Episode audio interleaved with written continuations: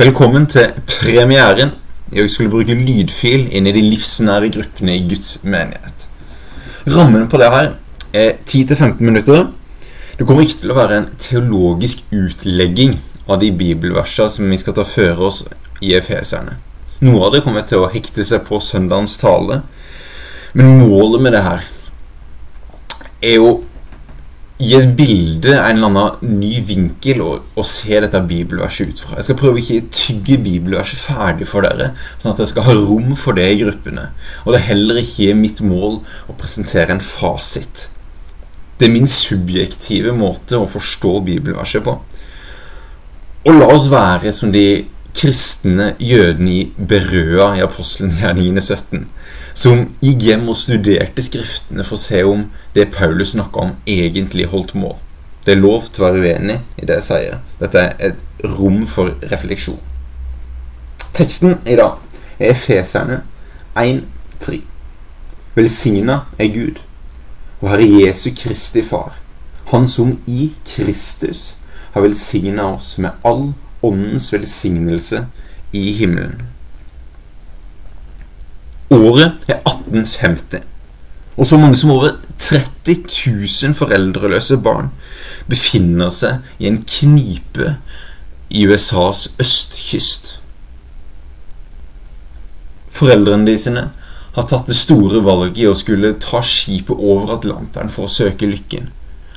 Og enormt mange av de har mista livet enten pga. sult eller frost eller andre ting på skipet på vei over og østkysten av USA vrimler av foreldreløse barn som må kjempe for å overleve, som stjeler og som leiter etter søppel på gaten.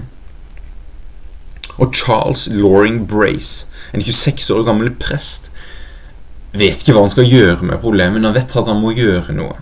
Og så begynner han med det som er et historisk prosjekt i å i å begynne å adoptere barn. Han kaller det The Orphan Train, eller De foreldreløse tog.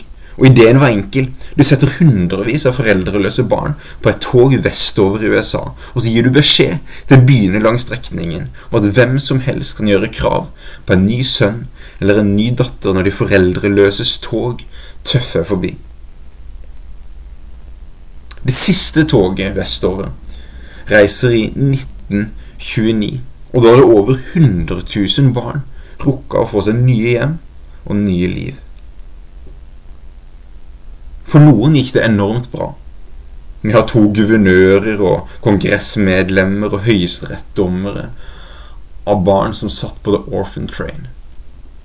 Og så har vi barn det gikk veldig dårlige med, som ikke tok imot det nye livet, som ikke tilpassa seg, som ikke tok en ny identitet i den familien du kom i.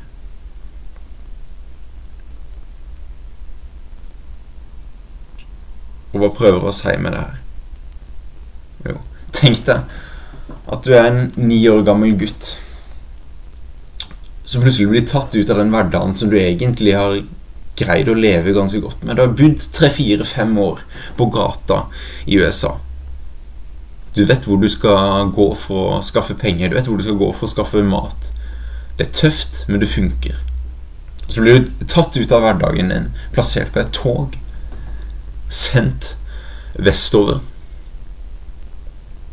Og på togstasjonen i Michigan så er det et uh, middelaldrende par som, som, tar deg imot og sier at du skal bli vår sønn. De introduserer seg som herr og fru Ford og kjører deg i bil til det enormt store huset sitt. Åssen reagerer man på det? Jeg tror parallellen til det Feserbrevet snakker om i kapittel 3, er ganske lik. At vi som ikke ser så stort på oss sjøl, plutselig blir tatt i hånda av en kjærlig pappa som sier at nå har jeg velsigna det med all åndens velsignelse fra himmelen. Det er ikke noe du bare greier å forholde deg til. Det er ikke noe du greier å bare forstå intellektuelt, og så begynner du å leve i det. For den ni år gamle gutten så er ikke det gjort over natta å tilpasse seg et nytt liv på helt andre premisser og helt andre betingelser. Og det er tre helt normale reaksjoner når du skal tilpasse deg en helt ny familie og måte å leve på. Og kanskje det vanligste er at du distanserer seg. Det er meg, og så er det de. For når du vet at du ikke har fortjent det. På dette så tror jeg det finnes en motgift. Nummer én er at vi må ta imot noe vi ikke har fortjent. Som kristne så må vi innse at ja, vi har ikke fortjent det. Men vi har fortsatt fått det. Nummer to er at dette barnet må fortsette å bruke de velsignelsene han har fått. For å normalisere det. Det er noe med at hvis vi ikke tar i bruk de tingene vi har fått Hvis vi lever like enkelt som vi, som vi før gjorde, så blir ikke det normal oppførsel. Eller så blir det ikke normalt for oss, de tingene vi egentlig har fått av Gud. Og nummer tre er at vi må begynne å oppføre oss som en sønn eller datter. En kompis av meg som jeg ble kjent med i Oslo, ble kristen som 19-åring. Han forteller at når han ble kristen, så valgte han én ting, og det var at han trodde ikke på alt som sto i Bibelen. Han skjønte ikke alt. Men han valgte at i ett år framover nå så skal jeg leve som om alt som står i Bibelen, er sant. Så han begynte å teste det ut. Han begynte å, å, gjøre ting som han egentlig kanskje ikke hadde helt tro for. Han ba for syke. Han prøvde å stoppe en del av de tingene han gjorde før. Og som han tenkte var mer logisk enn det å alltid snakke sant, f.eks. Så ble det en enormt rask disippelgjøring for å se sin nye identitet i Kristus. Nummer to er at vi ofte kan utnytte situasjonen. For du vet ikke om du egentlig kan stole på denne nye familien. Kanskje denne gutten begynte å grave ned noe av sølvtøyet i skogen på sida, for når han hadde alltid en tanke om at kanskje må jeg flykte, kanskje blir jeg sendt vekk. Motgifta må være å bli kjent med karakteren til de foreldrene. Pleier de å kutte av folk? pleier de å ikke holde ord. Han trenger å bli kjent med karakteren til Gud. Er Gud som en som pleier å følge opp løftene sine?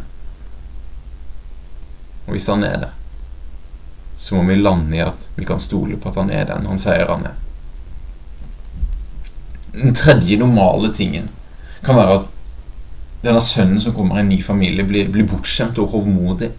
Og her tror jeg det finnes en motgift. Og det prater Paulus om videre i Efeserne. Husk hvor du var før du ble frelst. Husk at du var død, men er blitt levende. Jeg tror motgifta for å bli stolt er å skjønne hvem vi var uten Kristus. Takk for meg.